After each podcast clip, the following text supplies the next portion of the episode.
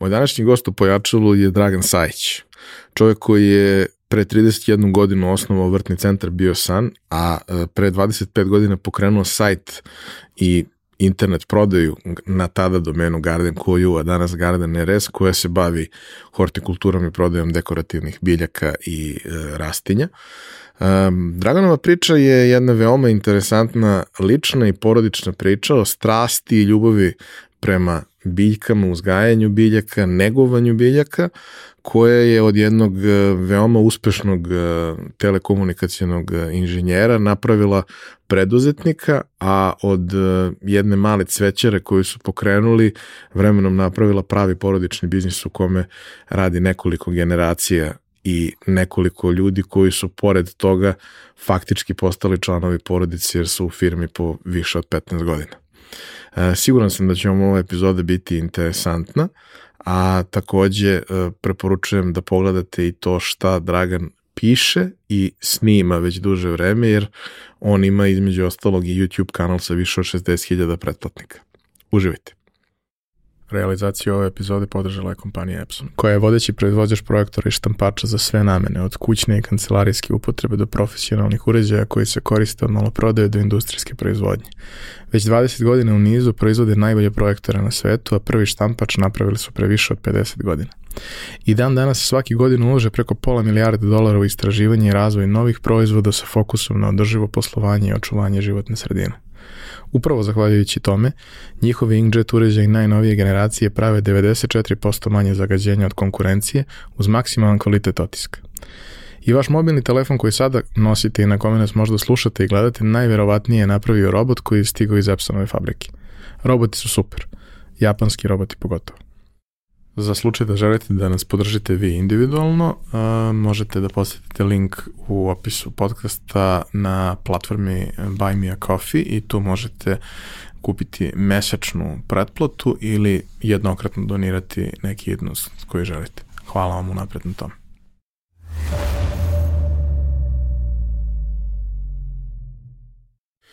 Dragane, dobrodošao. Bolje te našao. Ti si jedan od e, naših redovnih slušalaca, ali nisi ovde u svojstvu slušalaca, nego u svojstvu gosta koji ima veoma interesantnu priču koju bih želeo da, da podelim.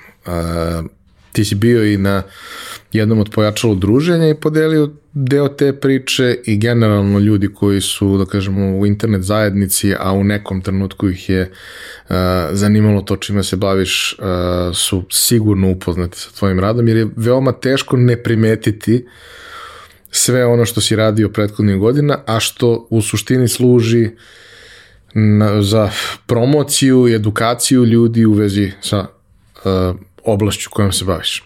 A koja je to oblast? Pa kad me obično pitaju kao šta radim, u šali kažem čupam pa sadim. Ono kad smo bili mali pa je to bio neki izraz za nešto. To je otprilike nešto što je sad najpribližnije ono što stvarno radim. Znači, gajanje biljaka, e, te biljke koje gajimo, prenosimo u druga dvorišta, uređujemo, projektujemo i održavamo te zelene površine ljudima koji je to potrebno, pogotovo sad u nekom svetu kada onako zelenino nam sve više treba zbog razno raznih da tako kažem i temperatura i svega ostalog, da ne pričam samo taj ure, uređeni deo, nego i onaj prosto zbog temperature i svega ostalog, tako da taj deo projektovanja, izvođenja, održavanja zelenih površina, poč, zalivnih sistema, tepih, travnjaka, sve što se tiče onog da kažemo okruženja što nije zid i što nije nešto drugo nego što se tiče zelenila. Sve što je zeleno i što je šareno. Jeste. I što miriše. E, kao i sa svim gostima, na početku postavljam ti isto pitanje, mančmelo pitanje. Šta se te budeš kad porasteš? To sam u dolasku ovde razmišljao, znao sam da će biti pitanje, ja sam razmišljao onako, e, to sam vam prilikom Kostović isto na nekoj, na nekoj emisiji rekao, osjećam, znam da je to bilo nekako od deteta, otac mi bio e, privatnik, njegov otac, odnosno moj deda, u to vreme isto bio, u ono vreme je to bilo, ajde, normalnije da bude onako privatnik, u ono vremenu kad, sam, kad je moj otac bio, malte ne, nismo kad pitaju u školi šta otac kažete onako radnik, ne smete da kažete onako, nekako sam stalno, stalno sam se bazirao na to, taj deo privatnog posla, nekako nastavnići sam to, tako sam uvijek doživljavao to, nekako da se radi nešto što nije tipa rad u fabrici ili negde bilo šta drugo. Tako da mi nekako taj deo mi, možda se na, najviše sam se sećam tog perioda da sam teo da budem onako, vezano je za taj samostalni nešto uslovno da kažem rad, ni, ne mogu da kažem da je bilo nešto iskristalisano u smislu da bih neka poseban segment toga. Možda u onom periodu kad su svi pričali nešto pa povuče inercija nekih drugih ljudi, ali ne u tom negde osnovna škola i taj deo do, da kažem do one srednje kad smo se opredeljivali nije bilo nešto jako iskazano da je bio neki poseban smer s tim što čini mi se da biljke nisu bile tad nijednog trenutka u prvom planu. Više bio deo tehnike ili tako nešto. Dobro i to se vidi. To se vidi i u ovome čime se baviš da ima taj moment da te zanimaju svašta, da te zanima svašta što se tiče tehnike, da si ti ono, napravio sebi sistem po kome i snimaš i montiraš i sve sam radiš, odnosno da kažemo sa timom, ali bez nekakve eksterne podrške, sve da si na tome bazirao ogromnu količinu stvarno sjajnog sadržaja koji, koji praviš, koji je i edukativan, a siguran sam i da prenosi poslu, pričat ćemo o tome. Ali taj period kažem, osnovna srednja škola, to jeste neki period u kome smo mi i dalje e, prilično prazna tabla ili sud u koji treba sad usuti neke stvari i vrlo su redki ljudi u našem životu koji svojom ljubavlju i strašću u nas usade neke dobre stvari koje nas kasnije opredele time čime ćemo se baviti. Uvek ima neko ili komšiju ili nekog strica, ujaka ili da je kažemo u neposrednoj porodici, ali nekog u svom okruženju ili nastavnika, profesora, ko je napravio promenu da od onoga da ideš svuda i sve i moraš da ispuniš sve checkboxove jer moraš da položiš sve predmete, nije važno šta te zanima, dođeš do toga da ti ipak nešto zanima malo više, da to voliš, da ti to postane važno, pa ako ne može da bude profesija, ono makar kao hobi, Šta je za tebe to bilo? Kako je došlo do toga? Pa majke, mislim, presudno to, na, na najbliži, taj, vratio sam uh, sećanje to kad je sa majkom naše velike terase, onako baš smo bili u, u malom mestu, pa te terase uvek treba, mislim da je ona od prvih uopšte u, u našem, iz Liga sam on to mesto gajila te muškatle viseće i to je bilo uh, u tom periodu za prvo, možda i malo, mislim nije možda, nego sećam se bilo onako napro toga stalno razmišljati o tim muškatlama, ali sećam se kad su pro, komšije prolazili svi ostali koji su dolazili i stalno je u to vreme bilo ono pelcerenja muškatli, mm. kao da daju pelcer, u to vreme nije, čak ne sećam se da je, da je kod nas uopšte bilo gajenja toga, uopšte nije bilo u toj meri, nego ono, ta ljubav njena i njen način je to, ona je proizvodila za sebe, pa je onda to delila i drugima, tako da je možda čini se onaj prvi pelcer vezano za, za, za to što, što sad volim što radim je majka onako ostavila kroz taj pelcer muškatli. Čini mi se to onako iz prve ruke sam imao tu neku uh, njenu uh, pažnju, da tako kažem, i ono što mi je prenosila, tad sam naučio, tad sam znao već ono kako to funkcioniše i onda mi to nekako čini mi se onako početak mog bavljenja sa cvećem. A šta je bilo kada je trebalo da, da biraš srednju školu i sve što uz to ide? Pa u tom periodu, verovatno kad se bila, kad se bila srednja škola i posle toga, e, sve je bilo vezano za tehniku, znači to je nekako bilo u tom periodu imao, imao sam da ne mogu da kažem da nisam imao ljubav u tom vremenu za tehniku, tako da posle i posle srednje škole i dalje, znači specijalista telekomunikacijone sisteme, to mi je i bila i profesija i 19 godina u Telekomu e, radio na sistemima digitalnih centrala, znači potpuno u toj materiji, znači nema ništa veze sa, sa da kažem sa, sa biljkama.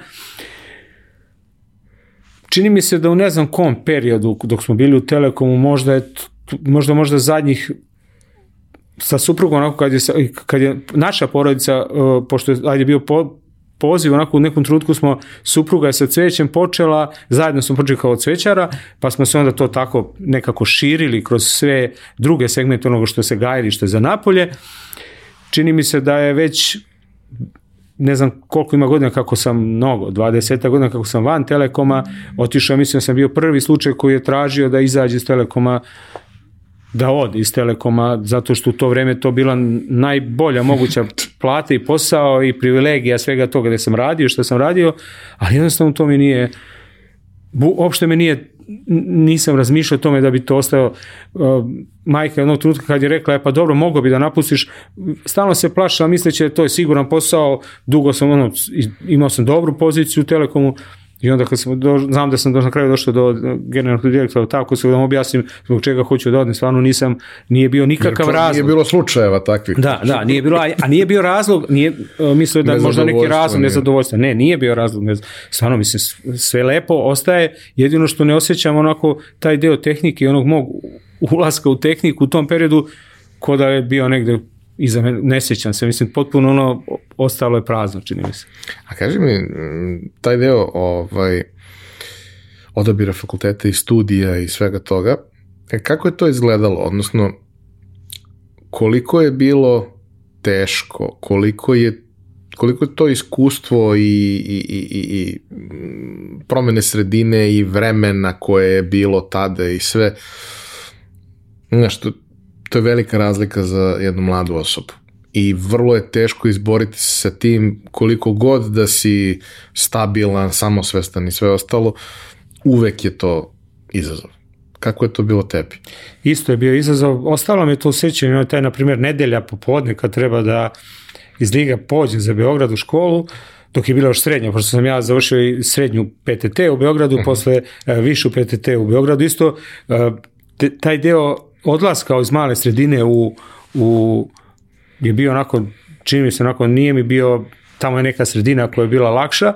Posle kad sam već malo duže bio ovde, to nije bio problem. U trenutku, u jednom periodu sam posle te više bio na onako, tad je bio fon kao zanimljiv fakultet, u prevodu je bio tad fakultet za direktore, nema veze ovo što je sad.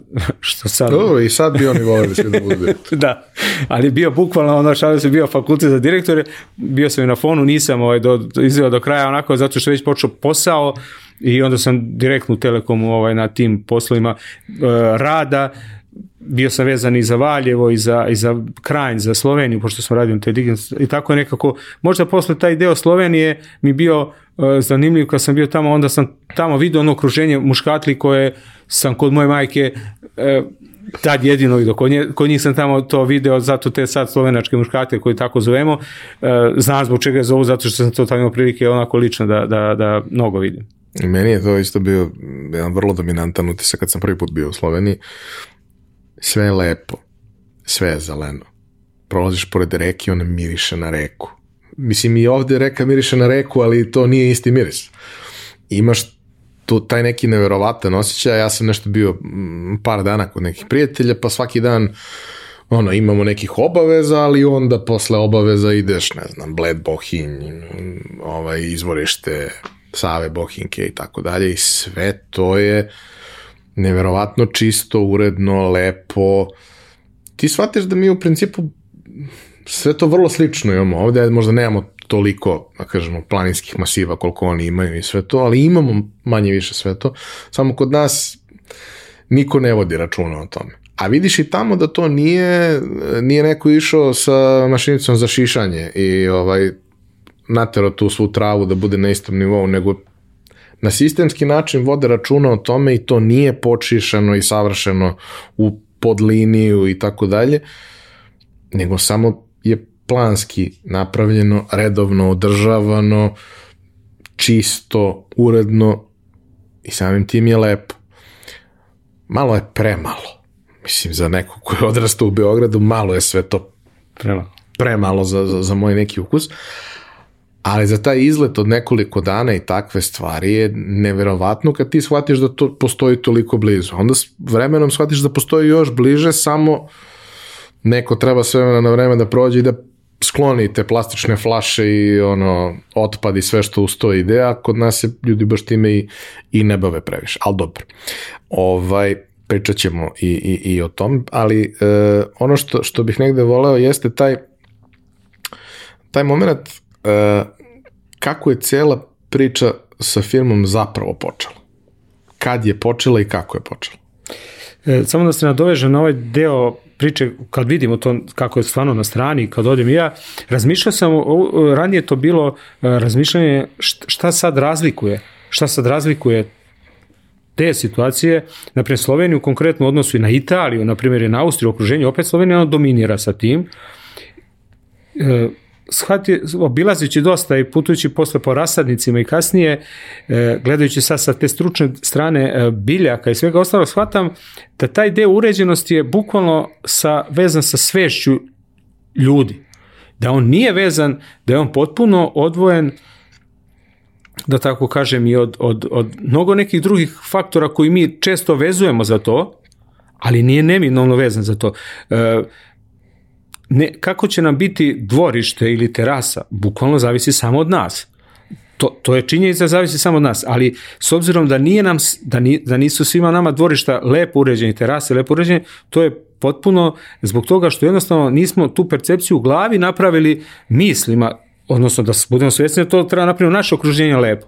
Onog trenutka kad čini mi se to uspemo da se uradi kroz možda školstvo, decu, to je ono što smo radili na nekim projektima Pančića, Morike, tako pričat ćemo dalje, e, čini mi se da tu treba raditi, samo je stvar u svesti, da nije vezano uh, ništa drugo, da što si dobro primetio, mi imamo isto idealnu klimu, odlične uslove, naprimjer kad pomenjem, naprimjer za neke druge zemlje da ne može da napravimo to što mi možemo i što vidimo kakav sam. Jednostavno samo ta percepcija toga da shvatimo da ono, prvo uredimo naše dvorište pa pogledamo kod komšije, u smislu da ne vidimo tuđe neke e, loše stvari, a naš, a ono što zavisi od nas nismo uradili, to onda kad smo počeli da radimo, to je bilo 91. godine 3. septembra, dobro se sećam ni datuma i godine, 3. septembra 91. kad smo uh, supruga i ja onako uh, bili svesni da će to biti to opredeljenje potpuno nevezano što sam tad bio u Telekomu, da je to posao, kad me neko pita ono šta radim, znao sam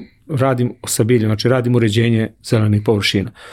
Mm, kako, je, kako su godine prolazile, Znači od tog dela koje su u prvom trenutku bilo samo uvozno holandsko cveće koje je dolazilo iz Holandije, koje mi vidimo onako po kućama što smo radili, s obzirom da smo tad imali cvećaru, pa onda je bilo vezano za to, nismo mogli neke druge uslove da imamo, radili smo sa, sa, sa cvećima, ali već smo tad počeli da tražimo neki prostor gde bi se eventualno e, preselili da bi sa e, decom, troje dece imamo da bi se preselili i sa decom radili taj neš, neki drugi deo proizvodnje biljaka koje se traži za uređenje spoljnog dela. Imali smo sreće da smo pored same magistrale uh, na, ovaj, kupili veći plac, napravili kuću i orientirali pored u samu magistralu, orientirali e, njive gde smo proizvodili biljke, pa onda ljudi prolaze magistralom Ibarskom koja bila prometna, vide biljke, onda svraćaju kod nas i onda je tako nekako m, sve se zavrtelo u tom smislu e, gajanje tih biljaka, prodaje u to vreme su bili samo e, mogli smo da odemo na sajam u Beogradu. To je bio vrh promocije hortikulture, da tako kažemo sad paralelu kad provlačim, bio sam prošle, prošlog meseca u Varšavi, gde, na primjer, oni su, e, Poljska je proslavila taj veliki sajam u Varšavi je, mislim da ima deseta godina tradicije. Ako se uzme obzir naši sajmovi hortikulture imaju mnogo veću tradiciju, govorimo o tome ko smo u nekom trenutku značajno bili iznad, kad pogledam sad kako je Poljska otišla, jednostavno radila na tome. Ti sajmovi su onako u nekoj meri davali mogućnost tim što je sajam bio jednom godišnje. Mi odemo na sajam, ljudi koji dođu na sajam vide to, pa imaju onaj katalog, pa mi njima damo taj katalog, pa oni po katalogu biraju te biljke, to je bilo šuno malte ne crno-belo, pa oni zovu, pa mi, komunikacija je bila tako nekako sporija, e onda 97. kad su počeli domeni kad je počeo, kad je počeo internet, mislim da to bila onako vidna razlika nas, odnosno iskoristili smo ono, iskoristio sam moje znanje koje je bilo vezano za, za pošto sam radio sa telekomunikacijama, radio sam i sa računarima, sve sam morao sam, mislim, takav mi je bio deo posla i onda taj deo, kad smo pravili ono prvo HTML, u HTML-u sam radio stranici i onda taj deo pravljenja sajta mi je bio ono na domaćem terenu je bilo i onda ajde što ne bi radili to sa sa sajtom za biljke. To je bio mislim glavna prekretnica gde čini mi se u onom periodu sve je krenulo, od tad više nismo išli ni na jedan sajam. Nismo, nismo imali potrebe da budemo prisutni, da kažem, na, na sajmovima smo sve to nadomestili e, mrežom. Ali vi ste prisutni na internetu 25 godina. Pa eto, ne, mislim, to, eto, to je sad, to se, to sad kad pogledam koliko je to, to je stvarno 25 godina. Sećam se, 97. godine, profesorka sa prirodno matematičkog, ona je registro, to tad je bilo ranic, nismo imali. Da. I mi smo, sećam se, ono, moram da jedno, jedno, jedno firma, pa mi, ono, potpis firme, ja bi sad vidio drugi neki domen, ali ne mogu, nemam drugu firmu, onda sam za kolege, rasadničare, e, ja uzimo od njih, daj mi memorandum, da ti registrujemo, ne znam šta registrujemo, ja sam njima registruo domene i čuvao sam njihove domene, ali nisu znali e, zašto koriste, pa je posle toga bili nudili su im i da da im otkupe te neke domene, neko drugi, kad su videli vrednost toga. Ali eto, to je, sad kad pomislim, to je stvarno 25 godina, ali meni se čini da je to relativno brzo, ne znam, brzo prošlo. A kaži mi taj, taj cijel moment uh, od trenutka kada ono, vi ste cvećara, što je jedan biznis, ali ko kad kažeš fast food, a ne yes. nešto ozbiljno. Ovaj, kako to kreće da se širi, kroz koje korake kreće da se širi, u perspektivi hoću da objasnimo gde, gde ste da. stigli da. danas, ali ajde prvo da krenemo od početka, zato što početak i jeste ono što je ljudima najzanimljivije. Mi pričamo o biznisu koji postoji 31 godinu. Naravno da ono što se desilo u prvih 20% vremena je i dalje 6 godina. Znači, da krene danas, ja. zaboraviš, što kaže, jedan i pol olimpijski ciklus, to je dosta.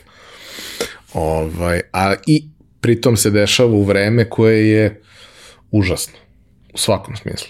Prvo, mi smo izolovani ovde potpuno od bilo čega, drugo, ovde je, nije ratno stanje ovde, ali nije mnogo daleko od svega toga.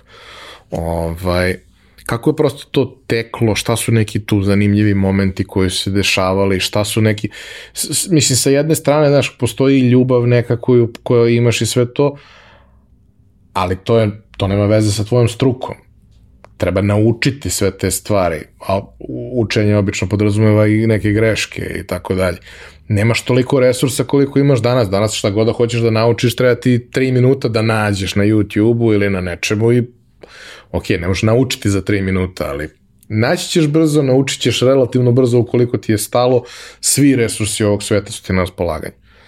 Tad nisu bili. Kako ste se snalazili i kako je to teklo? Pa nekako kad imamo prvo cvećaru, prvo se otvori situacija da neko dođe, one latinske nazive biljaka iz koje smo dolazili, lako je bilo iz Holandije kad dođu se piše na latinskom, one kartice imaju piše na latinskom i onda smo mi to nekako, čak su i deca, uvek pričam i, i ovaj, kad se igrala na slovo na slovo, pa na primjer deca, znam Isidora Čerka koja je sad master pejzažne arhitekture, ona je na primjer kad kažu slovo na slovo na slovo, ona kaže tagetes, to je ona kadifica ili uh mhm. -huh. I onda ona deca dođu, kaže Isidora rekla postoji neka biljka tagetes, oni ne znaju Ona je to, ona je dete, tad imala možda 6-7 godina, ona je čula da mi pričamo tagetes i tako smo mi u taj deo što se tiče cvećarskog dela usvajali kroz to što je stizalo i onda se sećam se da su se javljali e, zahtevi u tom periodu, nije bilo mnogo e, neko ko je radi uređenje, na primjer, hotela sećam se da u tom periodu na, nije bilo firme, ja sad kad znam kolege koje sad firme, tad nije bilo tih nije bilo tog broja i, i onda se ljudi jave, ovaj, mi smo čak pravili neke dopise, čini mi se, kad danas sam čuo, slušao negdje, pa neko rekao, pomenuo neko faks, ja kad setim tog faksa, to je bio ono način kako da pošaljemo nekom obaveštenje da mi nešto radimo, mi faks pa pošaljemo i, taj neko, i ta firma, sećam se u tom vremenu, par hotela, neki značajni koji su bili u to vreme, su tražili od nas uslugu nekog dela unutrašnjeg uređenja. Sad vi dođete u situaciju treba da radite unutrašnje uređenje, ima sad prostora gde sad smo mi jako dobro prošli one biljke što se tiču unutrašnjeg dela, kako, koliko svetla, kako, koja biljka, e, na primjer, kolege koje sad rasadničari uopšte nemaju, ne, nisu imali dodira sa sobnim cvećem i to njima strano. Sad se oni čude od ja pričam, na primjer, na mom YouTube kanalu pričam i o sobnom cveću, pričam i o spoljnom cveću e, i o drveću, zato što sam ono kroz taj proces koji sam ja imao, koji su ljudi tražili od nas, jedno po jedno smo usvajali, učili, onda smo radili, na primjer, taj deo i, i onih zelenih zidova, u ono vremenu bilo veštačkih, pa nije bilo još ovih pravih, Sećam se da smo u jednom periodu iz, iz e, čini mi se, Slovenije isto do, uvozili neke biljke koje su onako kao bile zanimljive pravljene za te prostore kao deo živih, deo veštačkih koje smo u hotela stavili gde nema mnogo svetla. Skoro sam bio u jednom hotelu gde još uvek je bilo to. Prošlo ja rekao, on, prašine su, ono, samo duvali od prašine i sačuvali jedan po jedan segment. Posle toga kad je bila samo cvećarska radnja pa smo prešli u prostor gde smo imali e, cvećarsku i ono deo ispred, ljudi počnu da pitaju za ruže, na primjer. Mi sad mora da naučimo koje ruže postoje, kako, ali čini mi se da taj, taj slobo, e, otvorenost prema tome, pošto počeo me interesuje, e, a počeo sam da učim e, kroz neke drugačije načine usvajanja znanja, ja sam sve pitao onako prostim rečima, dobro, ako sad pričamo na primjer o đubrivima, pa oni kažu postoji neko MPK đubrivo, čekaj šta je, šta je MPK, šta, kako, koje se razlaže, kako se razlaže. Ja sam sve to trebao ja da usvojim, sve sam onako usvajaju jednu po jednu stvar. Inženjerski. Inženjerski. I onda to tako prenosio. Posle kad meni, kad, kad kaže ljudi, ja kad njima objašnjavam kako sad e, neka biljka da se gaji, ja im onda kažem uzmite radnu supenu kašiku na sedam dana stavite ili tako i oni svi to usvoje. I ono jednostavno, ako ranije, kad pitam sad nekog kolega, kaže, kaže zalivaj umereno. Sad ljudi ne znaju šta je umereno. Znači umereno? Mislim, to, to, to ljudima koje iz oblasti, oni koji su naučili s tim, oni kažu umereno, kao, kako ne zna šta je umereno. Ali ja nisam znao šta je umereno.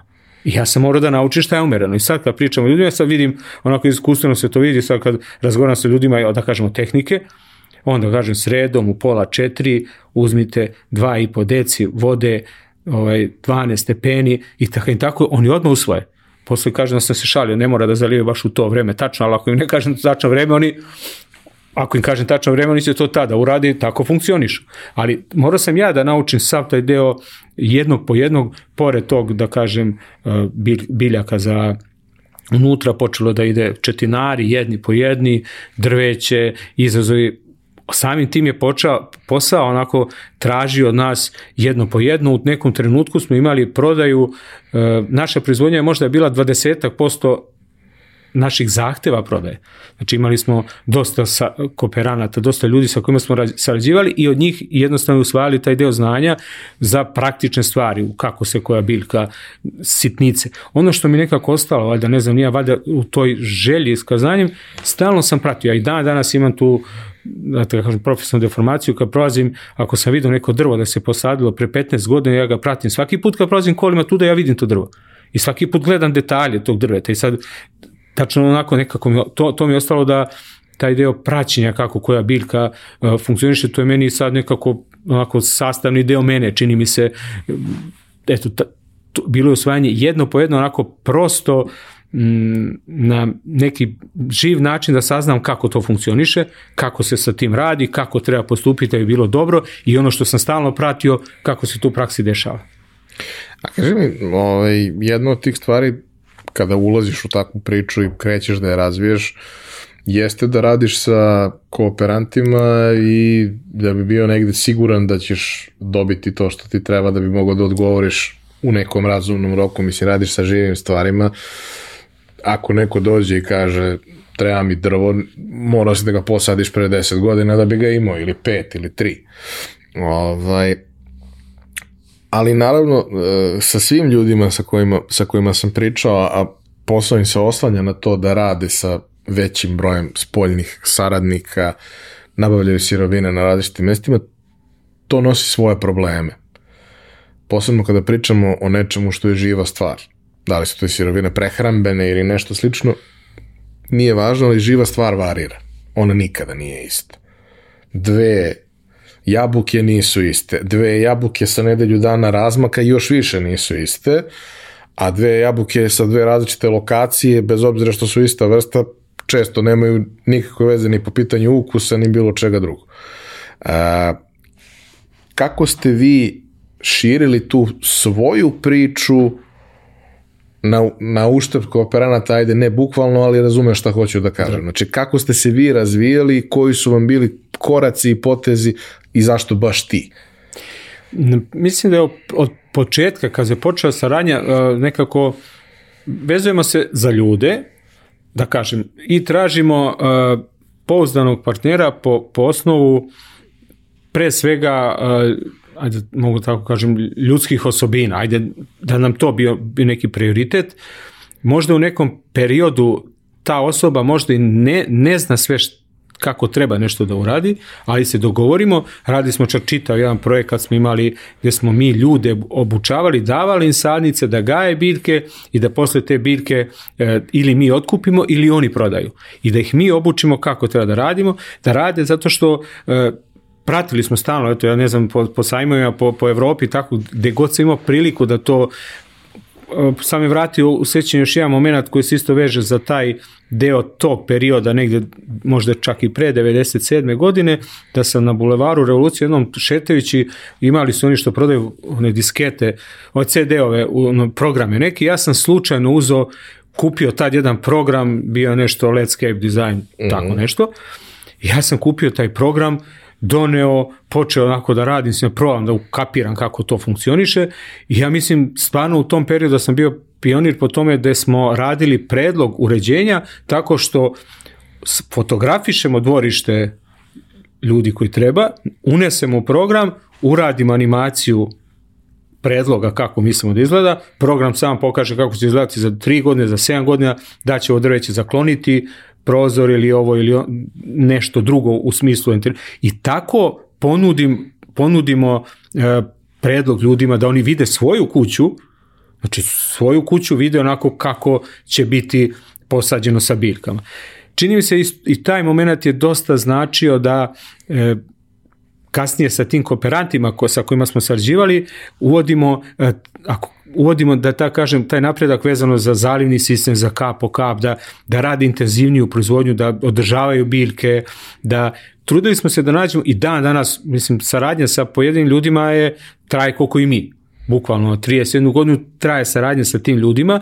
E, sad su možda to njihovi naslednici, možda su deca od tih ljudi koji su, sa kojima smo mi počeli, ali bukvalno je to tako. Taj rasadničarski posao jeste takav da to nije to je, ja kažem, najpribližnije autoindustriji. Onog trenutka kad počnete da gajite neku biljku za napolje, naprimjer drvo ili nešto, otprilike treba ko za uh, jedan auto u smislu onog od projektovanja do jedno 5-6 godina, i vi da bi došlo do plasmana. I vi ne možete da radite ništa na brzinu. Ono kažete sad ono skaliramo tako što ćemo software i za 3 meseca nemoguće nego je na duže staze. Tako da smo i sa tim kooperantima koje smo tražili, gledali da budu prvenstveno onako da se razumemo i da su ljudi od karaktera onako čest nam odgovaraju da e, isprate to, da imamo, budemo sigurni ako smo se dogovorili da je to, da kaže na šta, stvarno imam problem, desilo se to i to, ali da budemo sigurni da nemamo tu nekih nedomica, nesuglasica koji i sve na, du, na duže staze, mi smo njima pomagali, oni su nama pomagali i to i dan danas radio, mislim, ja ne znam koliko imamo kooperanata po razno raznim osnovima i stalno sam, ja mislim da sam sam sebi dosadio sa tim koliko ljudima, koliko ljude postičem, da god imam, svaki put kad imam priliku, ljudi, ako hoćete se bavite time, dajte, ja ću pomoći što mi znamo, možemo, uđite u to da radite. Kad pogledam šta je Holandija uradila, na primjer, čitava ekon, da kažem, prepoznatljivi su po tome. Da nisu to e, jesam imao prilike, sad su dolazili kod nas u posetu i e, nisu to e, ništa, hajde tako kažem, njihovi uslovi su još teži nego naši. Oni otimaju od mora, mislim, mm. bukvalno, e, hajde ljudi, dajte da to malo radimo. Međari su u nekom trenutku jako otišli sa tim. E, čini mi se da da to ima, ima ta poljoprivreda koju smo se mi naslonili, znam da smo 2004. godine sam radio neki katalog u, tom, u toj želji da promovišemo hortikulturu, radio sam, e, radili smo neki katalog gde smo e, uzeli sve rasadničare u Srbiji koji su bili, znači popisali sve telefone, sve rasadničare, sve škole, sve fakultete, sve ustanove koje su iz oblasti hortikulture, i to je bilo izlazilo onom tad je bila časopis je Burda nemačka uh -huh. i to smo delili s njim. Jednostavno da podstaknemo ljude da počnu kroz to da da se bave time. I tako smo nekako i dobili neke dobre kooperante ljude koji su tad se onako kontaktirali nas i rekli, rekli smo možete uzmeti jedan segment ovoga ili onoga, dajte proizvodite, i vi ćete to raditi sa tim, a i mi ćemo imati prilike da vaše biljke ako nam zatreba prodajemo, tako da i obostrana korist to je nam je bio neka vodilja, znači da imamo neki dobar poslovni odnos u smislu čestitosti, ono što smo se dogovorili, e, sa poljoprivredom, ono što smo pričali pred emisiju, sa poljoprivredom to nije lako. Ako se desi da ove godine panalno bilo grad ili suša i to, oni to ne mogu zaštiti, ali to smo svesni, kažu desilo se to i to nije problem. Mislim, to, je, to ne zavisi ni od njih, ni od nas, ali bitniji je onaj odnos kako treba. I čini mi se da se to iskristalisuje da dosta ljudi koji baš, ovaj, ja stvarno od svih kolega i sa kojima radimo i sa kojima ne radimo, onako baš dobar odnos je, ne čini mi se to neka onako branša baš posebno. Ne, mislim da je jako važno za svakog ko ulazi u neku takvu priču da ono, izabere da sarađuje sa ljudima za koje zna da ga neće namerno obmanuti. To. A ako dođe do propusta da su dovoljno ljudi da mogu da nađu neko znači. zajedničko rešenje kojim niko neće bude zadovoljan. Jednostavno, mislim, zadovoljan si samo kad dobiješ ono što treba, obe strane dobiju i sve je super. Ali da su spremni da i oni budu nezadovoljni da bi druga strana bila manje nezadovoljna. Da naprave jednu takvu vrstu kompromisa. Ovaj, kaži mi, da, da kažem, ta cijela priča sa, sa poslom postavkom uh, je od starta takva da neke stvari se dešavaju na nivou nekoliko meseci, je ciklus, mnoge stvari se dešavaju na nivou nekoliko godina, često i više od nekoliko. Kako? Mislim, ti uđeš u to zato što imaš viziju koja je dugoročna. Znači, to je ono, šta je izlazna strategija? Izlazna strategija je moja smrt kada biologija kaže da to treba da se desi ili, ili nešto drugo. Kao ne, ja ovo nisam napravio za ovu sezonu, za narednu, ja sam ovo napravio za ceo život, za sebe, za porodicu, za, za sve. Ali to nije način na koji ljudi obično funkcionišu. Naročito kod nas, naročito u tom periodu velikih kriza i svega, ljudi ne mogu da razmišljaju dugoročno. Mnogo im je daleko, mnogo im je teško, uh, mnogo im je teško da ulažu i da rade za nešto što ne znaju da li će dočekati. Kako onda ipak to uspe? Sad u posljednje vreme sve češće mi se javlja ta misla i čuo sam, e, nije, e, ne treba gledati št, št, koliko je teško, nego koliko je vredno. To je prva stvar koju onako to u tom periodu nisam znao. Znači kad sad e, to merimo, znači uopšte nije bitno koliko je teško, bitno je koliko je to vredno. U smislu ako imamo situaciju da ćemo da svoje okruženje, na primjer svoju porodicu, decu, imamo kuću, pa svoje okruženje gde će njihova deca da koriste i treba da da onako uživaju u tom dvorištu, obi, u čitavom prostoru, da provode vreme. Ja kažem, dvorište je otprilike kao produženi dnevni boravak. Mi imamo šest meseci i više kad provode u napolju, ako imamo dvorište i tako dalje. Znači, to je kao više vezano nego od kuća. Tu vrednost, onda treba, za, to vred, za to se treba potruditi, da tako kažem, tog trenutka to e, ljudi osveste da to nije, nije ništa strašno da bi to uradili. Sa druge strane, ovo što delu posla koji smo mi počeli se bavimo pa da to nekako tako, da tako kažem, osvestimo. E, najbolji primer, možda pre neki dan smo opet razgovarao sa mojim stomatologom, e, drugarom, a pominje se njegov profesor koji je na njegovu preporuku e, zvao nas da mu radimo tu u Beogradu e, objekat, kliniku i da zakazu, na primjer, znam, sjećam se, bilo 11 i 15, da se mi vidimo bio je onako malo i imao sreću što je ovaj e, Đorđe već to onako znama najavio i tako da ne bi kasnili i tako dalje i mi smo došli i prvo što sam ja se u šali rekao profesore, rekao profesore e, ja razumem šta je kod nas 15 minuta, kod vas 15 minuta je to je ono prosto na stolici, mislim ono kako se, kako smo dođe, ono zakazuju e, kod vas, to što je kod vas 15 minuta, kod nas je 6 meseci. Jer ono što ne uradimo s jeseni, uradimo s proleća. I on kaže, Dragane, sasvim je stvarno ostavio razmišljanje. On je bio ono, ono bio u smislu da treba da uradim nešto za juče, pošto je on kasnije nekomu nije to uradio, i sad je došao rekao što ne s jeseni, znači kod nas je to, taj segment je mnogo duži, jer radimo sa živim biljkama, gde mi ne možemo da nju uh, ne možemo da nateramo da raste brže, niti da raste jednostavno u, u, da je vadimo u trenutku kad je vreme nije. I taj deo kad se malo uh, približi prirodi, ono što je meni bilo poseban osjećaj, ono kad sam ja prilazio, kad prilazite prirodi, onda dođete u neku drugu, onako, neku drugo vremensko uh, računanje. Nije računanje po tome da sam ja ono da mi zvonio sat ili je telefon pišto, nego nešto drugačije. Vidim, ha, tako i tako. Bolje vidim kišu, bolje vidim vetar, mislim druga, ne mogu da objasnim, ali e, drugačije se vidi ta priroda i to nas prirodno vraća na tu normalno način funkcionisanja u smislu e, tempa, načina rada kako, kako se nešto radi. A, kaži mi, da kažem, to, to što ste krenuli da radite, a, koji, ok, koji tip biljaka, koje biljke, zašto njih, zašto u tim uslovima, prosto kako se pravi neka pametna selekcija kad je to u pitanju, jer svakako nemaš, mi jesmo kontinentalna klima i ovde u principu imaš sve sezone i sve što usto ide, ali nemaš uslove za sve vrste Jasne. biljaka da rastu ovde. Ne, neke stvari ćeš naravno uvoziti uvek jer je to tako, ovaj, ali to što krećeš da gajiš, kako biraš šta je to i sa kojim ciljem i sa kojim planom i sa kojom matematikom, zato što matematika je nekako vrlo važna stvar u celoj toj priči, ako u nešto treba da uložiš 3-5 godina života, ne možda intenzivno, ali ipak da se baviš tim. E, prvo je bilo odabir, e, s obzirom da nismo imali sve uslove kao što sad imamo i sve te klimatizovane plastenike sa regulisanom vlagom i svim tim što sad imamo, u to vreme nije bilo i onda kad smo razmišljali, kad smo pravili situaciju šta možda gajimo, možda gajimo nešto što je podvedeno nebom, i što što je otporno. Što je otporno.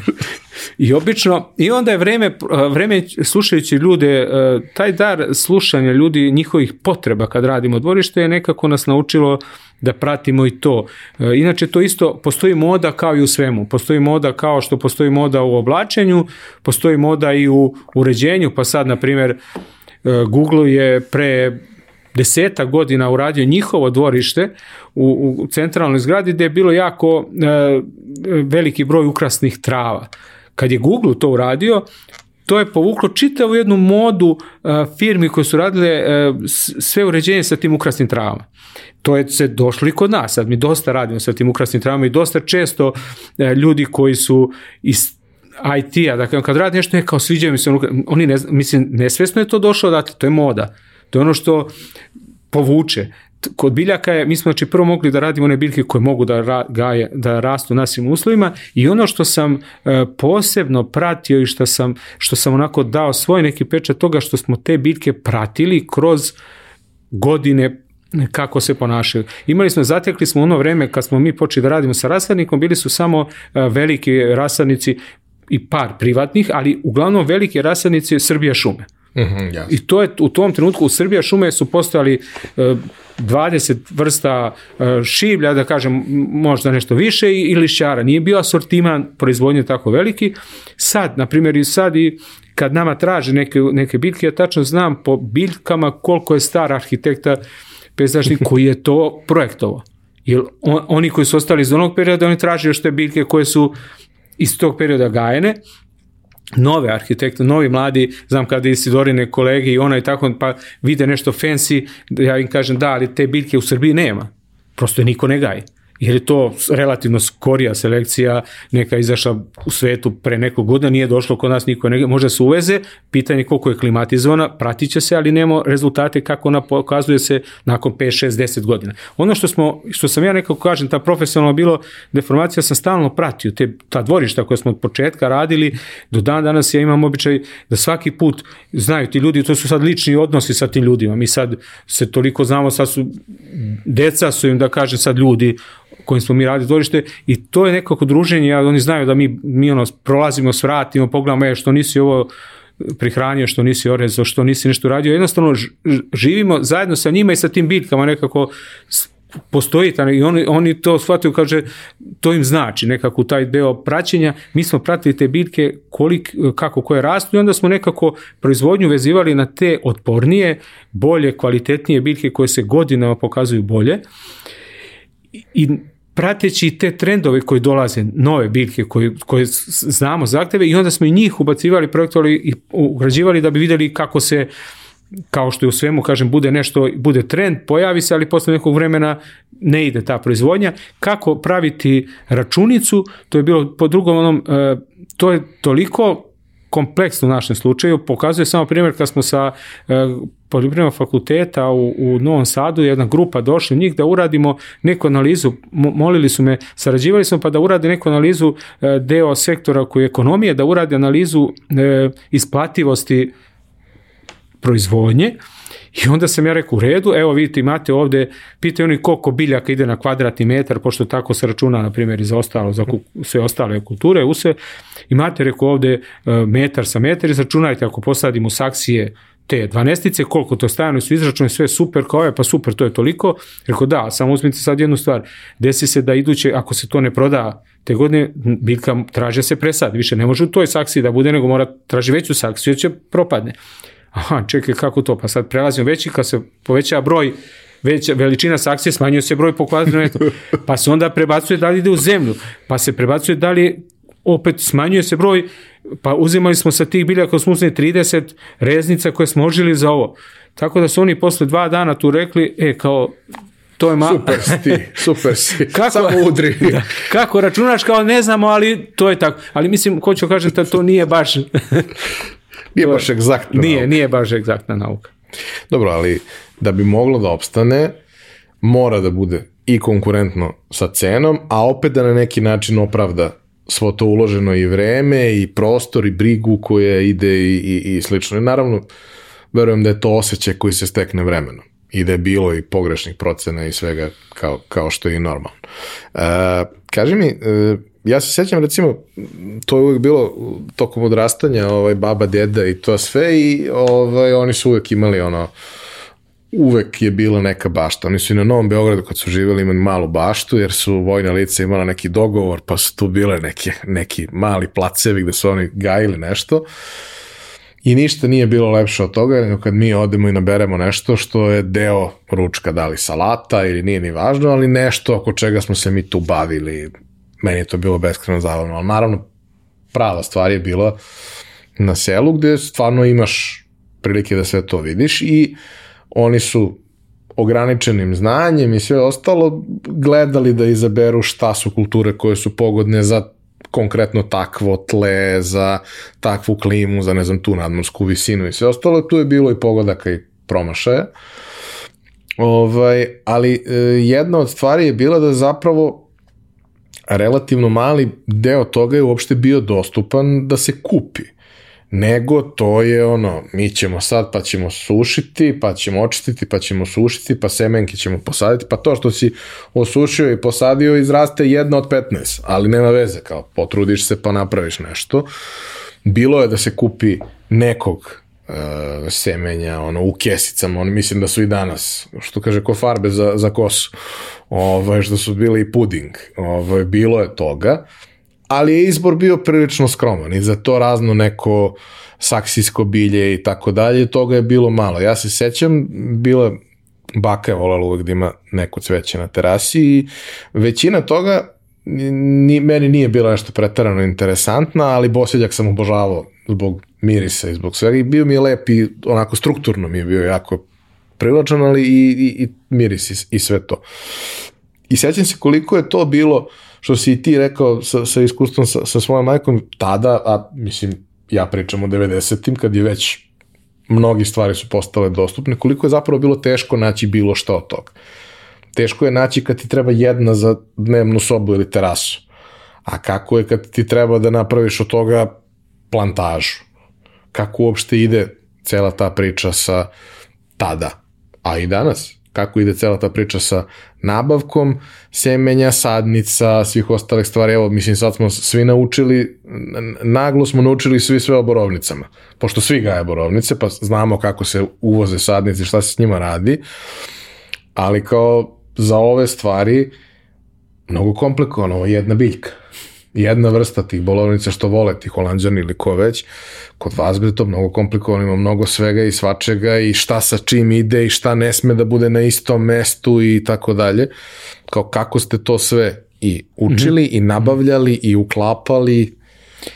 E, na početku vidim koliko je tradicionalno posao koji se bavim, obično kad počnu pitanje, uvek se sjeti njihove bake i deke, šta se mislim, koliko... mislim, to go, dovoljno govori o tradicionalnosti posla koliko je to neki posao, stvarno taj deo sa hortikulturom, e, pričao sam i u blogu sam jednom pisao da su e, baštovani e, bukvalno onako rušili carstva. I to je jako, radjeći stalno sa tim ljudima, to je stvarno, primetio sam koliko je to bitna stvar. Naprimjer, imate, urade ljudi kuću, investiraju silne novce u samu kuću, brzo je urade, sve se završi i onda dolazi na, na red da se radi dvorište i to je nekako intimna stvar. Vi, ja ne znam da li ljudi pamte, na primjer, da li znaju kojim je bio keramičar, kojim je bio onaj tamo vodoinstalater kojim radi u kuću ili nešto, tog, tog čoveka uopšte ne znaju. A, sad pamte zato što imaju traumu. Da, da, Ali možda. u normalnim okolnostima zaboravim. Zaborav. Ali e, ljudi koji rade dvorište, Mislim, zato ja i sad kažem, i ako birate lju- ljude sa stanovišta onih ko, ko bira, ako birate, ljude koji treba da vam rade dvorište i mi, ako biramo ljudima koji ćemo mi da radimo dvorište, pre svega i sad govorim stalno i sa kolegama, svi mi onako stalno kad imamo i nedeljne sastanke, ljudi daj, mislim, treba da ljudima pružimo to što očekuju i dajde da vidimo da li, da li smo, da li smo onako, da se sa svima slažemo. Negde se desi da prosto vidimo da e, tempom, načinom, kako su oni zamislili, a kako mi znamo da mora da se radi, nećemo napraviti bolje to na vreme reći, iz, od, od, da kažemo svestiti mogućnost to je bukvalno posao gde ne možete da ga završite. Vi kad napravite dvorište i uradite dvorište, nakon uh, počet ćete, morat ćete da počete onog baštovana vrtlara da sanjate posle tri dana, desit će se nešto mora da ga pitate, znači, može onda on pripremi sve, znači morate da se čujete sa njim bukvalno onako na nekom češćem nivou, zašto je to poznanstvo? Sa ljudima koji smo mi radili dvorište pa nas zovu sad na svadbi i tako dalje, zato što smo im draži, mislim više su s nama kontaktno neki, neki rođaci, zato što se s nama čuju godišnje sigurno 5-6 puta, a možda neki sa rođacima ne toliko. U našem podneblju vrlo često. Tako da, e, taj deo e, tempa je bukvalno ta načina kako, kako što kažem tradicionalnosti i vremena provođeno ono što se tiče e, velikog broja biljaka i kako to radimo e, pre nekoliko pre sedam godina smo jednu fogel neku tehnologiju italijani su napravili koja je e, plastenik pod jako visokom vlažnošću, nova vrsta proizvodnje u, Italiji onako počela da se proizvodi malo pre toga, pa smo imali sreće da, da uspemo da to napravimo i kod nas. E, to je intenzivna proizvodnja reznica uh-huh biljaka. Tako da, da e, probali smo sa tim borovnicama, da kažem us- uslužno, da, da, da radimo, s, e, obzirom da borovnica, kažem, jedna vrsta, kad bi čovjek uđe samo u jednu vrstu, onda bi mogao nju da, da onako bude ekspert za to, zato mi preko, mislim, 800 vrsta što proizvodnji, što u, postoji i sad i tu je onako, to je, imamo neke naše e, sve više smo, probamo da to, baze smo pravili vezano kad pobadamo reznicu, e, koliko je broj reznica ožiljen, da bi po, uhvatili vreme najbolje za oživljanje. Gledamo mi to i s- imali mo, e, holandjani su otišli pa sa njih, od njih uzemo taj deo vremena, a to je sve nekako e, način proizvodnje sad se makar ubrzo, makar za toliko što te reznice koje se proizvode u tim uslovima visoke vlage, mnogo, mnogo brže uspemo da proizvedemo, nešto godinu dana skratili smo vreme, pa brže to uradimo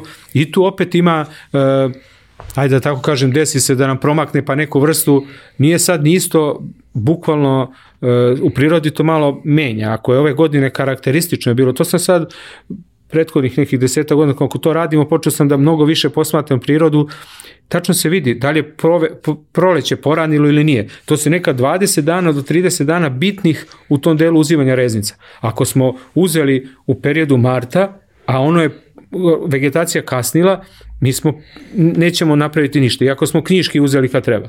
Znači, to je nekako, kažem, živa stvar i onda tu uvek mora da se, da se onako prati, zato je možda i dinamično i dobro što je čovjek stalno prisutan. Mislim, mora da gleda, to nije ono da se izgubi ono uradi taj deo proizvodnje, uvećali smo proizvodnju znatno sa tim načinom uh, reznica ožiljavanja i onda pratimo kroz vrste i kroz trendove koji sad dolaze, kažem, to se menja, relativno e, sad je mnogo brže, pre je bilo ono, te uzeti ta semena ili uzeti te biljke, uvozili smo iz uh, nemačke semena perena, pre možda 15 godina i, i tad je to bilo onako sporije nego sad. Sad nam je to što za 7 dana dobijemo ako treba neko seme za neku biljku ako nam treba da se proizvede. Mislim, ono, mada više sad radimo iz reznica, ali sad je nekako se ubrzalo i to u odnosu kako je pre bilo. A kaži mi taj deo oko nabavke na, na samom početku. Ti si prilično limitiran u svakom smislu i, i da se informišeš je problem, a kamoli nešto više. Sad možda nađeš šta god hoćeš. A gde ste, kako da. ste se informisali, na koji način ste dolazili do, do kontakata, do kooperanata s kojima ćete raditi? Do... Što se tiče inostranih, na primjer, prvi put sam bukvalno ono u kola i obilazak rasadnika po Evropi. Znači ono kola idemo ja i supruga i obiđemo, tad sam na primjer neke stvari koje smo tad uvideli u trendovima rasadnika u odnosu na Srbiju je bio za nas uh, onako otrežnjenje.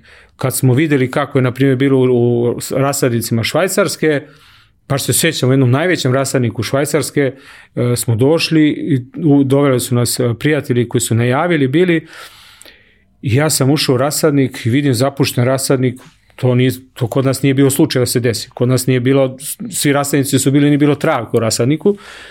Trava je bila onako metarska po biljkama. Ja kažem sa ovim ljudima što smo preko ovo je propalo, rekao ovo rasadnik. Na šta vam ovo liči? Na šta ovo, gde sam najveći rasadnik.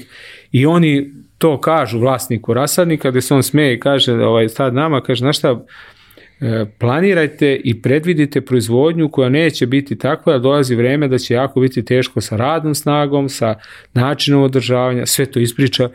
Ja rekao, ma da, te, to, ta, evo, vidimo, mislim, to, tu isto, i on, on, on tad meni kaže, evo vidite, kaže, on, tam, tamo je bilo ograđeno nekim trakama, taj deo što je bio zarast, on je ograđen trakama, imate deo koji je pripremljen za prodaj, on je očišćen. I ljudi dolaze tu i biraju. On kaže, da, mi tako ovo što je zagrađeno, tamo ne održavamo, ne ulažemo mnogo održavanja, zato što nije za prodaju. Kad dođe za predprodaju, mi ga sredimo, ljudi ulaze i biraju. Tako je da malte ne, sad došli kod nas veliki broj proizvođača u Saksiji, znači pratili smo taj deo što se ticalo e, inostranstva što smo obilazili, obilazili otvorenih očiju, gledali, da tako kažem, ja svaki put i sad kažem, nema rasanika ni kod nas u Srbiji, a kamoli tamo, gde nećete nešto naučiti. Znači, odete u rasadnik bilo koliki je da je rasadnik, bilo koliki kolega da je manji ili veći, svaki put kad uđem u rasadnik ja nešto naučim. Vidim ili naučim kako zanimljivo na kolica stavio nešto pa prevozi gajbice, ili vidim kako je rešio nešto sa načinom zalivanja, ili vidim kako je neku biljku stavio i način kako nju. Znači, taj deo posla onako bukvalno usvajate kroz praktično znanje njih, e, ono što se trudimo, evo sad smo, na primjer, prošle godine smo prvi pokrenuli taj posebno pakovanje e, cvetić, paketić, tako smo ga nazvali kao jedan kod nas u našoj elektronskoj prodavnici koju smo počeli, kažem, 97. bili pioniri u tome, e, nismo mogli lako da opstanemo u tom periodu jer je bilo e, pošt, sa, preko pošte slali, a pošta mm. je bila problem, morate ono da voskirate one pakete i tako dalje sad naša Gardner sad onako baš radi prodavnica, trudimo se da skratimo taj proces od, od čoveka kojemu nešto treba, da dobije neki savjet, da dobije preporuku, da dobije biljku, da kad je poruči kako treba biljku dobije i posle toga da i kad održava može da se informiše za nešto što mu treba. Ta cvetić, paketić, e, paket nam je omogućio da smo od ove godine, od ovog proleća počeli da radimo pakovanje tih muškatli, da kažem, od moje majke još i od drugih cvetnica koje se do tada nisu slale. Do sada niko u našim uslovima nije ni slao te uh, brzom poštom, to kurijskom službom te, to, to cveće zato što je bilo lomljivo i teško za transport desi se oštećenja. Radili smo sa američkim, ovaj, na, na jednom jedna američka firma, od nje smo videli princip te kutije, pa smo radili kod nas adaptaciju tih kutija i onako e, napravili čitav projekat Svetić Paketić ovog proleća je krenuo nek do aprilu, ja sam baš bio onako kad su počeli ljudi već da poručuju i kad su, kad su otišle onako velike količine paketa, ja posle na 7 dana kažem, ej ljudi, ajde zovemo ove ljude da pitamo, nemamo, prepostavljam da, da nešto negativno da bi dobili odmah, odmah feedback, ali ajde da ih zovemo. I onda su naši koleginice zvali telefonom, koga god su zvali, su bili oduševljeni načinom, kaže, nema problema, nema istresanja zemlje, nema lomljenja. I eto, na primjer, mala sitnica koju smo morali da usvojimo od, od ljudi gde su to već ranije počeli da rade, nama pravi neki pomak u poslovanju. Da, i dosta često je posao takav da ti ovde lokalno ne možeš da naučiš stvari koje ti trebaju, jer ih niko ne radi. Zahvaljujući vama, da kažemo, sve veći broj ljudi ulazi u tu priču ako ima strast prema tome, ima sada i od koga da nauči sve, ali koliko su zapravo te primarno strane kolege s kojima ste sarađivali i sve ostalo, bili otvoreni da dele znanje. Jer nekako mi se čini da je to industrija gde naravno postoji konkurencija i sve to, ali da je to industrija u kojoj profit jeste važan, ali nije jedini važan i da je mnogo bitnije da ono činimo ovaj svet boljim mestom, ajde da tako kažem. E, evo i sad u ovom obilasku imali smo poziv iz Poljske da za neke za dva rasadnika, pa smo onda obišli tamo sajam, pa obišli druge rasadnike.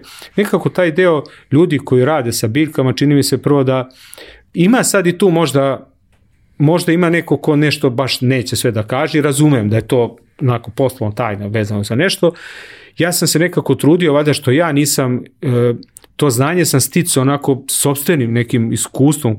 Ja sam i pitao sam ja drugi ili sam usvajao njih. Ja se trudim da ja to znanje koje ja imam prenesem, kažem što, što sve što znam za tome, ne plašeći se da će to neko Ja znam da to nije lako, ne, mislim, a ne bojim se nijednog trenutka da će neko uzeti da se otima za motiku pa će radi to bil. Znači, za motiku se niko neće otimati, tako da to mi nije. E, I čini mi se da ljudi iz naše, iz naše onako branše dele to znanje, koliko ljudi mogu da ih čuju, nekad je dovoljno da vidite, ja kažem nekad i ne mogu kad odem u tuđi rasadnik i pogledam, dovoljno je da vidimo neku sitnicu da skapiram zbog čega je to tako i da ga ne pitam. Inženjer. Da, da, mislim, to, je, to mi je nekako jasno i onda tako usvajate jedno po jedno i ovaj deo projekta što smo radili, posticanja proizvodnje kooperanata, ja sam se trudio uvek i njima da kažem, ajte ljudi, mislim, zato što smo prošli sve, radili smo mi od onog sobnog biljaka, e, četinara, šiblja, perena, sad da ne pričam, sad, sad su tu, mislim, počeli da kažem i, i lukovice, ruže, sve jedno što, bukvalno sve što tržište traži vezano za uređenje, ne možemo proizvoditi lukovice kod nas, uvozi se iz, Holandije, ali sarađujući sa tim ljudima, na primjer iz Holandije koji su najveći proizvođači begonija u svetu sa kojima smo, koji su bili kod nas, i tako, vidio sam da i to nije onako neki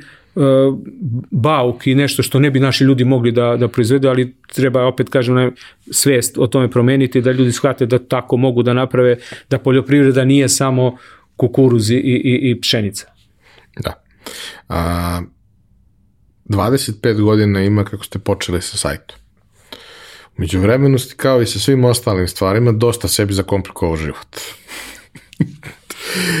Od nečega što je bilo jedno mesto sa osnovnim informacijama i tako dalje, to se razvilo kroz mnogo kanala, kroz mnogo načina komunikacije, kroz, da kažemo, veliku neku i ličnu prepoznatljivost i prepoznatljivost firme, proizvoda, tematike, oblasti, a, ali bih volao da mi ispričaš otprilike kako se to razvijalo od tog prvog dana i prvog sajta do danas. Šta su sve neke stvari koje... Ne mora to nešto Jasne. preterano, detaljno, vremenska linija i to, ali prosto kako si ulazio u sve te nove dodatne stvari i šta sve to danas radiš.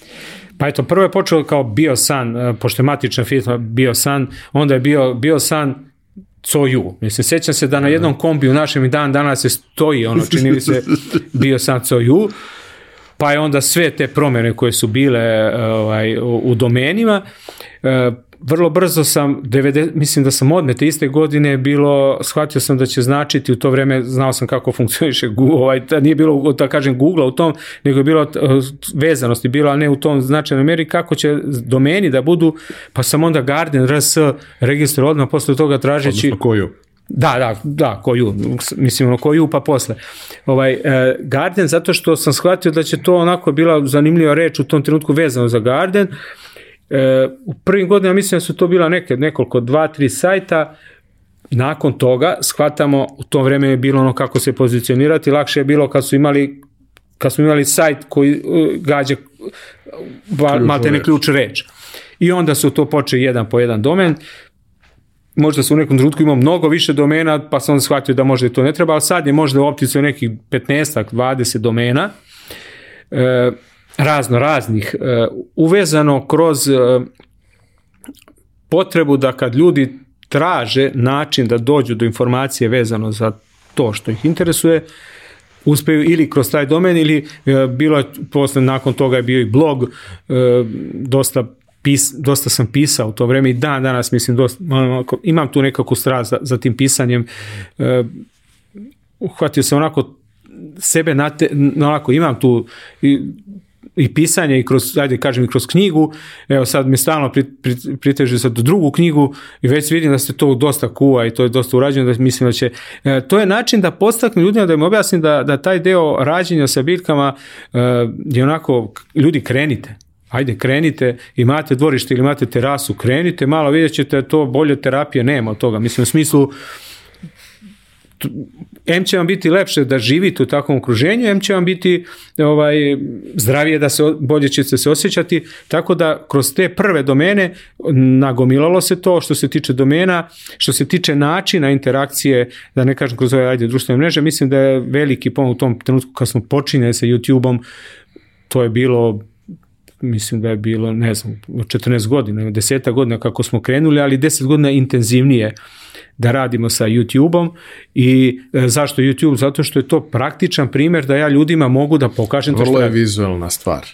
Vrlo vizualna stvar i oni to e, kako se sadi biljka, vidite ovo, vidite na listu ovo, ja ne mogu to lako da im napišem. To je jednostavno nemoguće. Ali prešli smo iz tog dela koji je bio u onom redu kad smo radili, kad su bili sajmo i to je bila slika i tad su katalozi bili na slici. Shvatio sam da moramo da pređemo na video zato što je to ljudima lakše prijemčivije da vide i da saznaju. I taj YouTube, kad smo počeli da radimo, mislim, kad sam ja onako razmišljao, uopšte velika dilema bila u meni, onako treba prelomiti da sad ja počinjem da da, da, da se spomnira u smislu snimanja videa onda mi čovjek koji je onako dosta je u to vreme nam bio konsultant vezano za to kaže da, ali vi treba ljudima prenesti da, da im ispričate nešto što ne mogu ni lako da usvoje. Tako će lakše usvojiti. Ja sam vidio kad smo, na primjer, naši e, snimci kako posaditi drvo ili kako zaštititi muškatlu ili nešto, to jednostavno ljudi kliknu da, da dođu do rešenja. Shvatio sam, to ja nisam bitan u smislu nezgodno jeste, izađem iz zone komfora, ali nekako sam to prošao, čini mi se. Ali ne može niko da prenese tvoju ljubav koju imaš ka nečemu. Znači možeš da imaš najboljeg prezentera na svetu. Ako to nije osoba koja to voli, koliko god da se spremila, to nije mm. realna priča, to nije nešto što je autentično. Ljudi na to neće reagovati na isti način na koji reaguju kada priča osoba koja je do toga stala. Mislim, zato pričamo da. o svemu ovome, zato što si ti kroz svoj lični primjer, i to vrlo često izlazeći iz zone komfora, ovaj, preneo tu ljubav na jedan veliki broj ljudi koji se time bave profesionalno, ali i koje se ne bave profesionalno, nego samo su svoj život oplemenili tim. Jer jednostavno, Znaš, ono, glavna stvar je uvek bila kad, kad odem negde tako kod jedne, druge babe, dede, gde god sam imao da idem, tako glavna stvar je bila dolazi mlad, može zapne, ajde da pokosi, ajde da ovo, ajde da ono, da, da ono, sredi dvorište i sve. Svi su gledali da to bude uredno, niko se nije bavio time da to bude lepo, odnosno ponekad jeste, ali to, to je bilo nice to have, to nije bio uslov da se tamo boravi. Uslov je da trava bude pokošena, da bude očišćeno oko puteva, da ako imaju neke sadnice, nešto da to bude uredno, da nema korova, da nema tih problema. A zapravo niko nije se trudio da to napravi da stvarno bude lepo. Ja se sećam u jednom trenutku ona, ona mrežasta ograda što se plete od žice. Mm -hmm. Znači, ja razumem da je to funkcionalno jedna dobra stvar. Znači, jasno mi je, vrlo je jednostavno, trajno, lako se pravi, čak sam prisustvovao par puta i pravljenju toga, jer smo neku konkretnu količinu imali, pa su oni to na licu mesta napravili. Zanimljivo je, meni inženjeru je to zanimljivo. Je ružno, brate, odvratno je. Znači, odvratno je i rešavati problem toga da ti neće doći pas lutalice ili nešto slično, ali ti ne rešava ni jedan trenutak spokoja, mira, izolovanosti koje ja ako sedim u dvorištu razgaćen želim da imam. Znači, ono, želim da tu postoji. I onda, ono, živa ograda meni bila najlepša stvar koja postoji. Uvek sam se bavio nešto kad dođem ovaj, u selu, uvek mi je to bilo glavno, a ja ću sad tu oko toga. I uvek je bilo skrati malo gore, ne, ne, skratit ću ja sa strane, neka raste gore, samo da ne vidim nikog. Ovaj, ali to su kao bile, to je najdalje što se išlo sa tim. Ok, krenuli su da se zidaju poslovne zgrade, poslovni kompleksi, hoteli i sve ostalo, gde ti lagano, uglavnom od tih nekih stranaca koji su to pravili ili zakupljivali, počinješ da kapiraš da to nešto postoji ono kako je nekad staro bilo, ne znam, Novi Beograd, koji uvek između velikih betonskih zgrada imao te zelene oaze, te zelene oaze su sve zapuštene 90. godine. Niko se njima nije bavio. To dvorište, recimo, u kome sam ja, opet sa, sa strane babi i dede njihovog stana na, na Novom Beogradu, dvorište između zgrada, koje je u tom mom odrastanju bilo, bilo prelepo sa sve ono igračkama, ljuljaškama i ne znam onim peskom i svim ostalim stvarima. Pričali smo u, u, najavi emisije o pesku i tome koliko je to bilo značajno za naš imunni sistem. Ovo, jer smo normalno svi jeli pesak, a sve, svi kučići su u tom pesku bili pre toga, ali dobro. Ali imao si, imao si drveće, imao si svašta, imao si razno, razno žbunje, imao si, imao si taj moment da ne znam, komšinica, to su vojna lica, oni su svi malo onako posebni, komšinica je zasadila sebi da joj bude lepo neko cveće. Pa ti nećeš da uništiš nešto jer je to lepo, ali imao si te betonske platoje i sve, sve to bilo uredno, sve to bilo pod konac. Nisi imao, što kaže, imao, imao fugu, nije imao ono, sad neko korov neki i to sve. I sad kad prođeš, sve betonske zgrade su iste, iste su boje, sve je isto, znači to će narednih 5000 godina da izgleda verovatno isto. Ali e, svet izgleda kao spaljen posle neke apokalipse, jer se niko time nije bavio, niko nije vodio računa o tome. Naravno, da li više klinaca nema ko što ih je bilo ili ovi sad vole da čupaju više nego oni prošli, ne znam ali očigledno da niko nije vodio računa o tome i sve to što su bile neke zelene oaze opstalo je na nivou inicijative možda pojedinačne zgrade. Toga više gotovo nigde nema. A mislim da je nekako svima nama za normalan život i blagostanje to preko potrebno.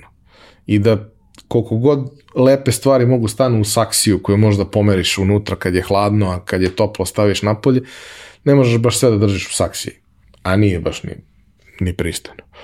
Ovaj, kako se menjao tvoj posao u smislu, ono, kad ste krenuli, krenuli ste od cvećare, pa onda lagano to nešto, ajde malo više, pa kad je to počelo da, da postaje kompleksno, kad je to podrazumevalo da se izlazi iz okvira to mi uzgajamo ili uvozimo, nego mi sad vama dajemo kompletno rešenje. I kako je to evoluiralo kroz vreme, možeš i da nekim konkretnim projektima da kažeš koji su za tebe bili uh, ono, groundbreaking na neki način. Jasno.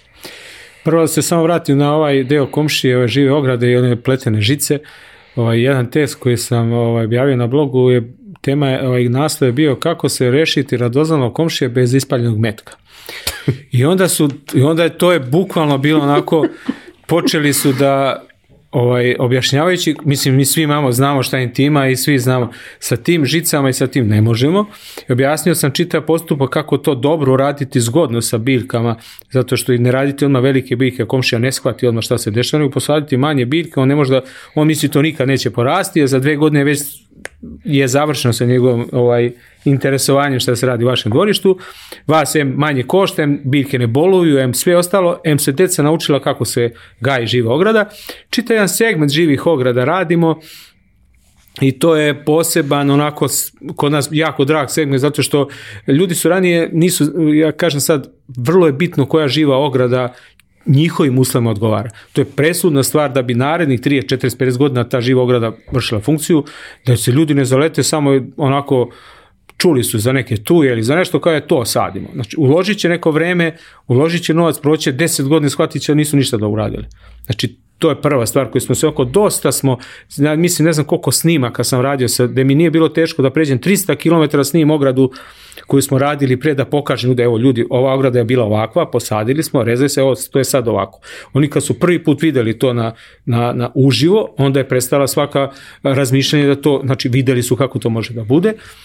Mi smo počeli negde možda 2000-te, 2002. Mislim da smo stvarno u odnosu na dosta kolega koji su stariji rasadničari od nas, e, počeli da radimo, prvi smo počeli radimo u gradnju biljaka, ali nismo imali našu proizvodnju i onda smo morali nečim da, onda smo, a rad, imao sam e, taj projekat za kako će izgledati dvorište, mi smo to tehnički znali, mi smo onda taj deo uradili i onda smo uzimali od kolega biljke i sadili.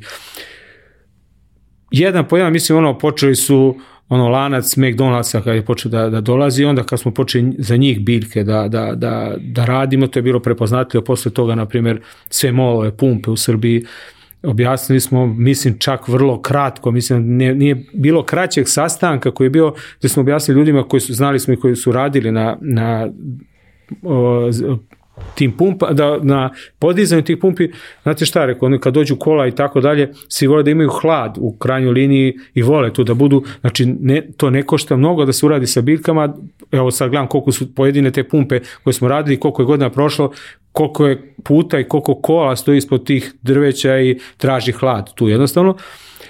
E, ne znam sad, eto kažem možda McDonald's, e, mall, Vapiano, na primjer ovi restorani. Vapiano je bio vrlo poseban u tom periodu što je imao te cele koncept čitav. Bukvalno baštu celu unutra. Sve smo to morali, masline smo vozili, oni su pravili čitav onaj deo infrastrukture da ima svetla, da može maslina, ući u tu problematiku masline, ono malte ne smo, to smo morali sa italijanima da uđemo, s obzirom kad se uveze drvo pa da se tu stavi, pa koliko svetla, pa koja zaštita, pa to je sve proces. Imali smo onda od začinsko lekovito bilje koje su oni uh, koristili, u stvari stajalo je i sad, i sad stoji u Rajićevoj. Znači taj deo čitavog, znači ta jedan po jedna stvar nas uvodi u to. Mislim da je veli, od firmi, veliki firmi stvarno onako gledali smo da svaka, e, to je ono što hoću da kažem da je sa relativno, to je najmanja investicija koja najbolje daje i ob, e, prezentuje neku firmu. Iz prostog razloga objasnit ću. Naprimjer, imate firme koje su sve ono što se dešava unutar firme, firme to ne vide većina ljudi. Vide, kad bi neku firmu trebaju da predstavljaju, vide lice te firme, ono ispred kako izgleda I za relativno naj, da kažem, najmanje sredstava u odnosu na sve ono što je unutra, vi možete potpuno da e, ljudima kažete ko ste vi. Na načinom kako ste uredili prostor, kako izgleda to, kako izgleda vaš prostor ispred, vi kažete da ste vi da razmišljate o zelenilu, da e, ste pedantni, da lepo državate, vi čitavu priču iznosite bolje nego bilo kako drugačije. Ja gledam kako je to u svetu. Kad sam rekao onda za Google kako se promenio sa tim ovaj, ukrasnim travama, e, jedna po jedna firma, ako uzmemo da, da googlamo, meni to mnogo zanimljivo, stalno sam razmišljao da pravim i te serijale u tom, da shvate ljudi, to nikad nisu, znači ljudi iz IT-a u ovom, dosta sam na tim konferencijama i znam, se napravi neka priča o tome kako izgledaju dvorišta 15 najbogatiji ljudi iz IT-a ili firmi, pa da shvate koliko su, koliko su to bitne stvari i koliko oni vode računa o tim stvarima, zato što je prvo što im je, vole da žive dosta kiselnika oko njih, ali samim tim prezentuju ono što oni rade. Znači da je to vrlo bitno i vidim da je, hvala Bogu, na primjer, zadnjih jedno tri godine uh, veliki broj ljudi koji su uzimaju kuće u, u ruralnim sredinama, ja ne znam koliko smo ih radili, svaki put kad, ono što možemo da prihvatimo i što možemo da, gledam da ljudi potpuno su osvestili, to su mlađi ljudi, relativno sa porodicama, odlaze u ruralne sredine, e, smisleno prave dvorište za njih, znači nije ono da šljašti pa da će to da se osuši, ne znam, za posle godinu dana da je to nešto uvoz, da je to neka onako biljke koje su sterilne i one ošišane pa oni zapostave pa onda iz, napravi se džungla, nego jednostavno biljke koje prilagodne tim uslovima, a daju im potpuno ono što im treba, da nauče. Prvo deca kad to je i vaspitna mera, kažem te biljke koje uzimaju, ako ima bocu, deca će naučiti a ne pipa, da to bode, Ne vredi samo ga pustite da ne bode i da, mislim, e, ima, ima više aspekata i čini mi se da taj deo ljudi kod nas sve više shvata kolika je vrednost toga i samim tim i firmi. Ja ne znam, da svake godine možda, evo sad, jednu isto firmu uh, radimo koja je uh, 80% izvozno orijentisana, potpuno za, za te pametne trujamere što rade, i shvataju, zato što im stalno dolaze stani, oni shvataju šta, šta, koja je vrednost toga e, tvorišta u odnosu šta ono prezentuje za njih. Tako da to ljudi sve više osvešćuju i to je neki deo koji čini mi se najmanje ulaganje u odnosu na sve ono što su drugo da, a veliki efekt daje. I, I nekako pravi dobru uopšte, ja mislim da bi voleo bi to je nekako nama neki osnovni neki cilj da napravimo Srbiju lepše mesto za život, jednostavno da imamo sve, imamo klimu koja daje te uslove, i da napravimo da i te firme i te ljudi koji su onako ta pamet koja uspeva da se prezentuje tamo i da se koristi, da jednostavno iskoristimo i kroz to deo da uredimo zemlju u kojoj živimo i da nam bude lepo. Kaži mi, e, koliko je izražena sezonalnost u poslu u smislu uh, godišnjih doba i svega toga? Mislim, vremenom ste došli do to da dosta toga radite u vrlo kontrolisanim uslovima, pa nije bitno kako je napolju. Ali inače, kako, kako posao funkcioniše i kažem, kako se menja dinamika i obim posla tokom godine. Ono, ako ćemo šaliti, ono što ne uradimo s jeseni, uradimo s proleća, ali ako ćemo stvarno više nema, sad imamo, na primjer, objekte i e, projekte koje radimo, gde su ljudi, na primjer, zakazali, firme zakazale otvaranje 17. jula, jeste vrućina, jeste sve, obično se, obično oni svi ostali radovi kasne, građevinski kako znaju da kasne, Obično se otvaranje napravi neko značajna ličnost iz bilo koje sfere dolazi na to otvaranje i otvaranje ne može da se pomeri, oni kasne jer mogu da kasne, a mi moramo da napravimo da to izgleda u onom trenutku pred otvaranjem kako treba da izgleda i onda je to vrlo traumatično neka zna da bude da se radi i, i onako i danju i noću da bi se to stiglo. Hvala Bogu uvek smo nikad nismo ono probijali rokove, ali sezona je uglavnom ono je od jeseni do, do, do proleća kompletno sad nema više s obzirom da se proizvode biljke u saksijama, znači sve se gaji u saksijama, većina se gaji u saksijama, uopšte nije više problem da li je sad e, da li je sezona za presađivanje ne saksija se sve sadi tako da smo i tom dinamikom koje traži savremeni svet mogli da izađemo u susret da ljudima kažemo evo na primjer elektronska prodavnica naša e, tokom celog leta je funkcionalna. Znači ljudi ne znaju kad se šta, ali u smislu ljudi znaju, saksije su biljke znaju šta će dobiti i poručuju, jer je, možda, ne možemo da im kažemo, e sad, možda je pretoplo za to. Ali biljke u saksijama za njih nije problem. Znači one dva dana dok odu do čoveka to ništa, nema, nema nekih problema, ali oni su zadovoljni što dobiju biljku kad su hteli. Što se tiče ostalog, kažemo većih projekata, svega toga, kažemo ako, ako bi posmatrao jednu uobičajnu godinu, kako ona izgleda, šta, šta se radi januar, februar, da. šta se radi u kom periodu godine? Pa ovako, do, prvo ono što ja kažem ljudima, čim dođu na ideju da, da treba nešto se uopšte ljudima koji imamo projekte i firmi i pojedinaca koji su kupili plac, ili kupili manje ili uopšte, kažem ljudi dajte odmah, slobodno kontaktirajte nas odmah da napravite probleme koji, greške koje obično napravi ljudi iz neznanja. Desi se uđu na, na, na to neko imanje koje su kupili i onda sve poseku i onda hoće da posade drvo i starije veće nego što je bilo, što je nemoguće. Mislim, mi kaže, nemojte, znači prvo dajte da vidimo šta imate tu, možemo sačuvati, možda nešto znači. Drugo, dajte da radimo živu ogradu koja ne zavisi od toga građevinskog što vi radite kuću. Nek ona raste polako za godinu dana ili godinu i po dana, će vidno porasti dok vi budete sređivali kuću. Nemojte čekati da uradite kuću, pa na primer posle se krećemo, znači to je prvi, što se tiče zalivnih sistema, kad postavljamo da se pusti, da ljudi ne bi imali posle probleme kad urade saobraćajnice, sve ostalo vide da nisu predvideli, nisu znali da treba da se puste zalivni sistemi malo drugačije, da to nije jedna cev koja treba da se pustiti ispod, nego ima način kako to treba pametno se uradi. Jednostavno, čini mi se, čitav ciklus počinje to kad oni uzmu, da od, odmah ima neko ko će da ih prati, makar, ja kažem, to ne, ne morate ošte da budete da, da se opterete da, da ćemo mi da im radimo zelenjavanje. Ako nas zovni i pitaju, mi ćemo da im kažemo. Ljudi, nemojte to raditi tako i tako zbog toga i toga. Mi imamo sad te sastanke, e, s obzirom da se posao mnogo proširio, mi ne možemo fizički stići da odemo na sve objekte, ali imamo zakazivanje uh, online sastanaka koji imamo otprilike šest termina nedeljno, gde ljudi zakažu termin, uh, pošalju nam slike, na osnovu slika mi zajedno prođemo kroz tu, taj online sastanak prođemo, kažem, ha, to je to, vidite tamo, povedite računa zbog načina, ako to radite, time ih otprilike dobiju informacije pre nego što ista počnu da rade bar u, sa odnos sa stanovišta hortikulture da znaju šta ih očekuje, šta treba da predvide.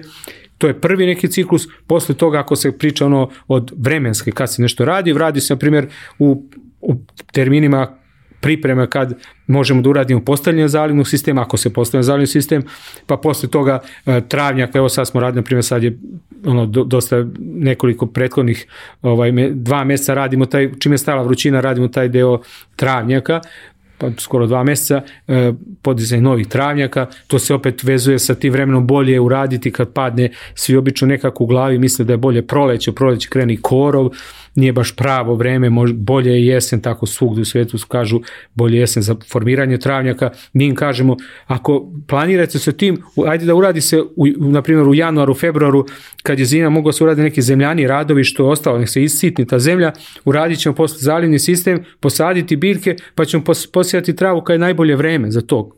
Ali s njima kad im onako objašnjavate, to je nekako zajedno uzrastanje u tom i oni vide neki pomak u tom dvorištu, normalno desi se situacija kao što smo sad skoro imali, pre, ove prošle nedelje smo radili jedan objekat gde su ljudi nisu znali treba im sve za juče, pa moramo i to da uradimo velike biljke, tepih travnjak, jednostavno tako nisu razmišljali o tome da to postepeno onako rade korak po korak, nego su hteli da odjedan put imaju sve, tako da i moramo i to izaći u susret. Ali, mislim, kako izgleda da kažemo, proces u smislu, ne znam, januar, februar, mart, tu se više rade pripremni radovi, više se radi na uzgoju, a onda aktivna sezona terenskog aha, rada aha, je čisto da, da, da, da malo oslika. Uh, taj deo jeseni, od, od jeseni nama od proizvodnja je sad u odnosu da je prodaje jedno 3,5 km dislocirano na 5,5 hektara e, proizvodnje imamo, dosta pastenika, znači intenzivne proizvodnje,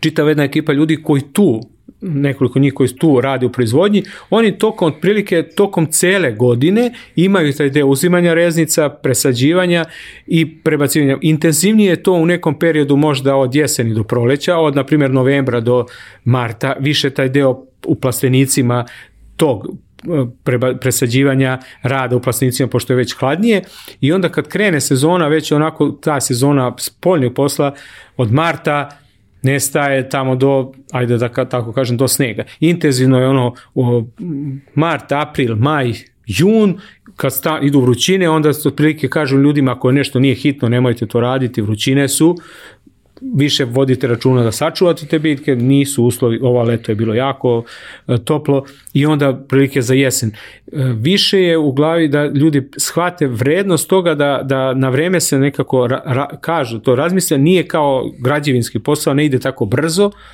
bolje da rade segment po segment, prvo što će biti povoljnije, mogu da kupi mlađe biljke, manje će bolovati, nema opasnosti da će se neka osušiti, nekako uzrastaju sa svojim dvor, dvorištem. Ja kad kažem, kad zavole jednom, kad zavole i počnu da uh, shvate da to vreme koje, iako su zaposleni, ali mogu da provedu ono 15-20 minuta, sat vremena da obilaze, pogledaju neke biljke, da će njima mnogo to koristiti, ne mora da zdravstveno će im koristiti, a pored toga bit će i, i da kažem, i mirisno i lepo.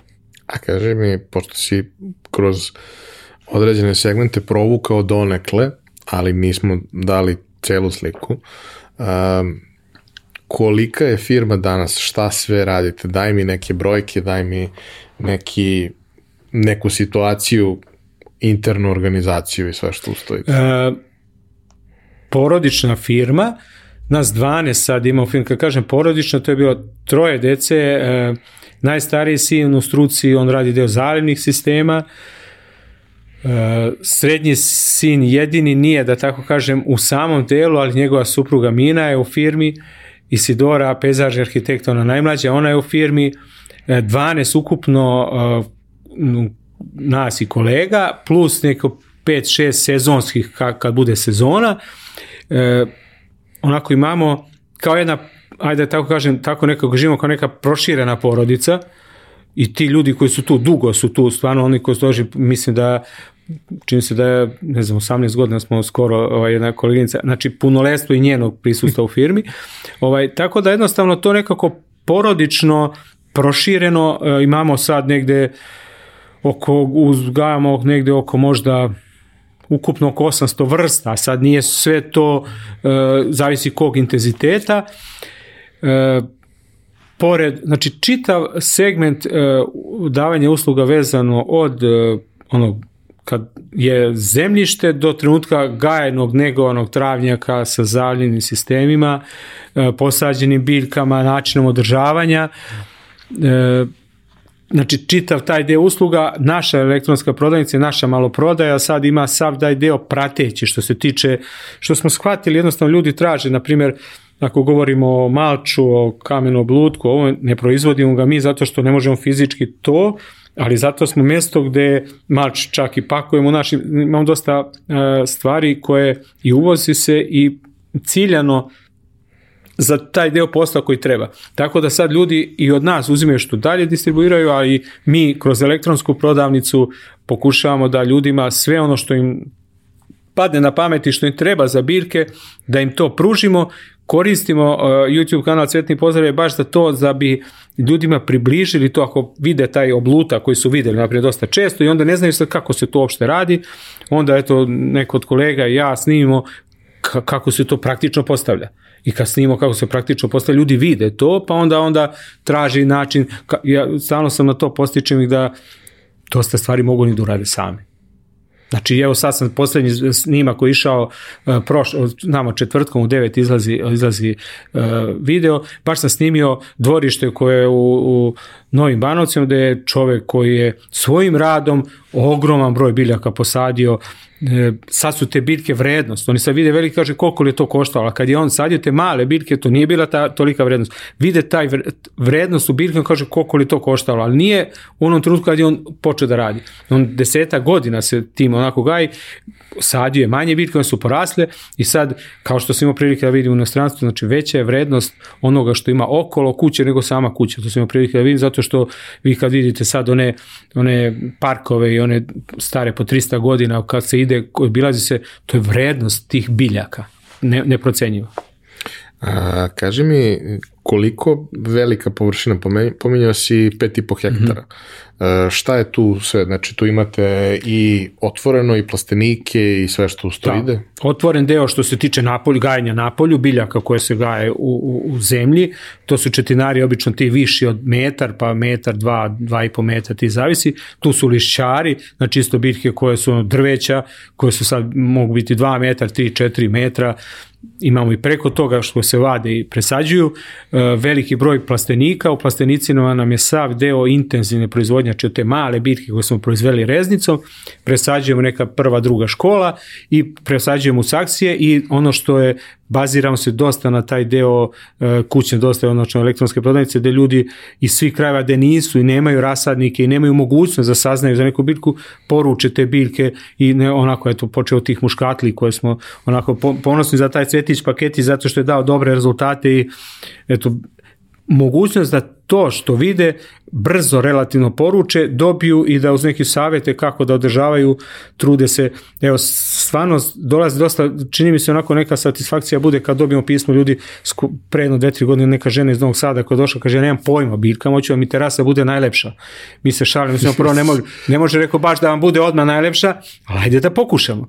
Prvo im objasnimo šta treba i mi smo te biljke, ona je poručila, žena, valjda iz te ljubavi koje ona imala i te energije koje ona imala, te godine njena je terasa stvarno bila, poslala je slike, ja rekao svaka čast vama, mislim, stvarno ste, mislim, stvarno je ta iznam energija, ljubav koju ona imala, napravila tu terasu, ona je oduševljena, ona sad misli da je samo zbog našeg cveća, ajde jeste, rad, trudimo se da imamo kvalitetne te selekcije i prva reprodukcija i ono što je bitno, ali i njena pažnja i njeno, njeno odnos prema tome je dalo te rezultate.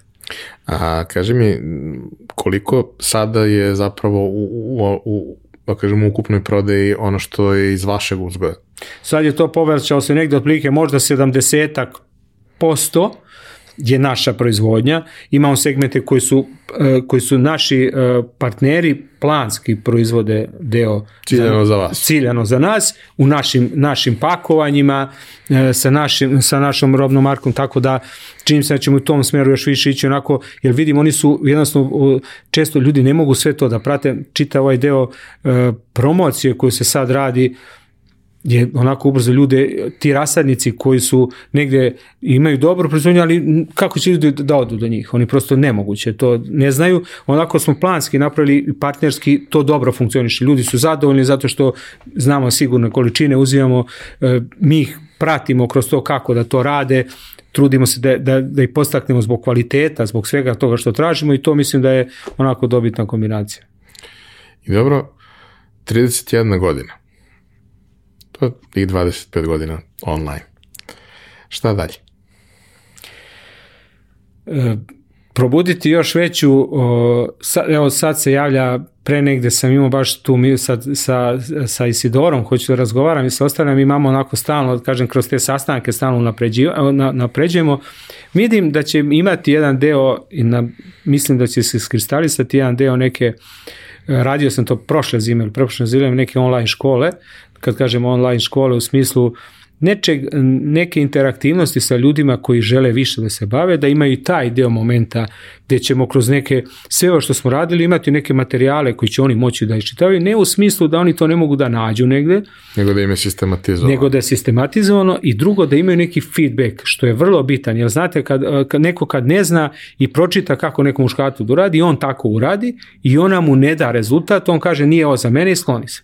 Ako ima s nekim da podeli to, pa kaže, evo vidite, ja sam to tako uradio i mi mu kažem, dobro, a što nisi tu, dešava se svašta da to kad kupe taj pelcer posade sa svetom saksijom u zemlju. Mislim, ne znam da treba da izvade saksiju u zemlju. Prosto da, da taj feedback dobije od nas, da bi time znali da su tu pogrešili, da oni mogu sa biljkama i da hoće, samo da treba da dobiju povratnu informaciju i da idu dalje što kaže ono, u Americi, ne stavljaju oni na plastična pakovanja, nije za jelo zato što su ljudi glupi, nego zato što je neko probao. pa, su, pa su shvatili da možda mora. To je jedan, jedan segment možda o, o tom i o što se tiče firme još samo onako e, izlaženje u susret ljudima koji to traže, da tačno da mi sad dogovaramo dvorišta u napredi za godinu dana, jednostavno takav i tempo, da znamo da ljudi znaju i da taj neki uslugu koju pružamo da objasnimo kako funkcioniše da što više izlazimo u susret ljudima da znaju šta mogu da očekuju kojim tempom, kako i mislim da će to sve više ići na taj deo i održavanja, jer sve manje ljudi vično tome znaju i tako da jedan deo onoga što mi hoćemo da radimo, što znamo da radimo, to je projektovanje, uređenje, održavanje zelenih površina i to onako usluge gde zajedno pravimo situaciju koja nije stresna, s obzirom da radimo sa biljkama, ne želimo da, znači to je neki posao koji ja onako kažem, nije ništa hitno, nije nešto uh, ako se pametno radi, to treba da bude i način kako ćete da onako uh, smirimo svu ovu tenziju koju imamo.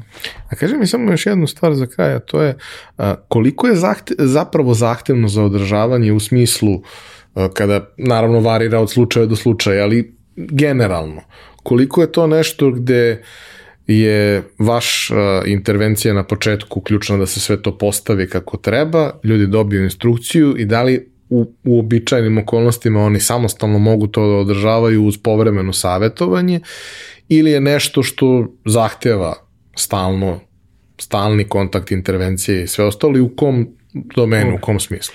E, mogu, e, sve veći broj, e, imamo u Novom Sadu, čovjeka stalno kažem, koji, na primjer, koji ima veliku firmu njegovu i kuću je napravio da smo mi od, zva, javio se kad nije bilo ništa, pa smo zajedno radili, drago mi dvorište, dragi ljudi, uopšte ka, način kako pristupaju tome, on kaže jedva čeka, sad ima jaku strast kad dolazi iz posla da se presvuče i uđe u svoje dvorište, kad ima vremena. Uh, E, ne treba bukvalno te neke naše konsultacije, nešto čovjek će ono što bi provodio, da ne kažem u teretani, u nekim fizičkim aktivnostima druge prirode, uz, na zdravoj sredini provoditi, sve te poslove može da radi možda jednom, e, kako mi to kažemo, veliko sređivanje dvorišta, to se tiče, na primjer, prolećnog ili jesenjeg velikog sređivanja, gde se, na primjer, orežu i urade neke, neke stvari koje bi možda njemu u nekom trenutku nisu potpuno jasne, kad jedno vidi kako mi to uradimo, posle će moći i on da radi ako to želi da radi.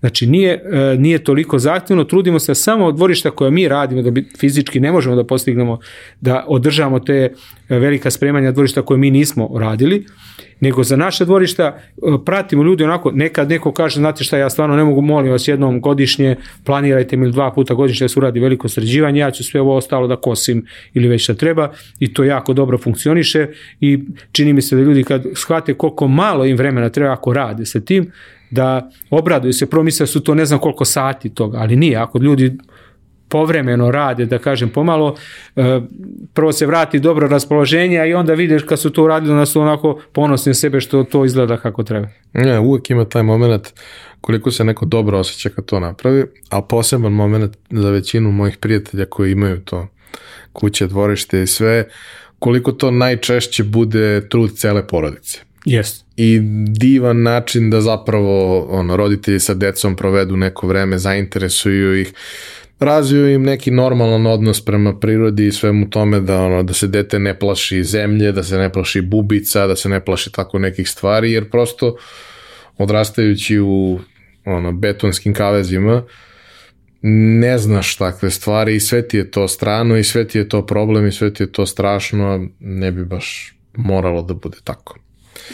Ako samo pre nego samo odjave, da ja onako iskoristim priliku, svaki put odjavljam ovaj, i svoje emisije, ono u želji da i slogan je budite hortikulturni. Mm. To je baš zato da jednostavno ako uspijemo da napravimo tu ono hortikulturni kul, cool, sa velikim akcentom na to ako uspemo mi da napravimo tu svest kod nas da budemo, da razmišljamo o našem okruženju, bit će nam mnogo lepše. Nećemo, trudit ćemo se i ono šta, za šta sigurno možemo da uradimo to je da neko biljko ili drvo ili bilo šta posadimo. Ono što sam rekao u početku na pred emisiju, mi ne možemo nekad ne zavisi od nas da će neko da se odseče drvo ili tako dalje, ali sigurno zavisi da smo ga negde u našim mogućnostima ili da smo imali prilike ili biljku ili drugo nešto posadili. I taj deo hortikulture ako uspemo da osvestimo kod nas, bit će mnogo lepša sredina, a onako da, da provodimo vreme tu.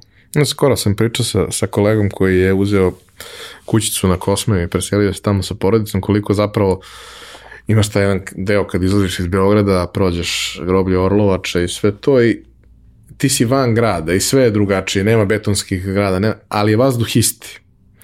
A onda ima jedan pojas od recimo nekoliko kilometara šume i posle toga više nije posle toga je to jedna potpuno drugačija priča i zato je to ono što, što, što pravi razliku. A velika šuma je divna stvar, ali treba mnogo vremena da poraste, a jako malo vremena da se poseče. Yes. Naročito ako neko planira da izgleda, izgradi ovaj neki, neki veliki e, stambeni ili poslovni kompleks. Samo na neki način da kao svaka takva aktivnost koja je prirodan progres bude praćena time da se ipak na neki način revanširamo prirodi. Pa treba će da prođe neko vreme, ali vreme će da prođe, a imaće šta da poraste. Znači, to je do nas, da svesti, ono da budemo svesni toga i da, eto, kažem, odgovornost je na nama. Dragane, hvala ti. Siguran sam da je ovo bilo interesantno i zabavno i nadam se da će uh, barem deo publike da krene da istražuje po, po tvojim sajtovima i po tvom kanalu, jer ja to radim povremeno, iako još uvek nemam ni dvorište, ni sve, volim ja da razumem, volim da znam, volim da prepoznam. Pričao sam ti ovaj, ono, u, u pripremi koliko mi je zapravo jedna od najlepših stvari koje sam radio u detinstvu bila ono pravljenje herbarijuma i upoznavanje zapravo sa, sa biljkama i mislim da to jeste nešto što, što svako dete u nekom periodu treba da prođe.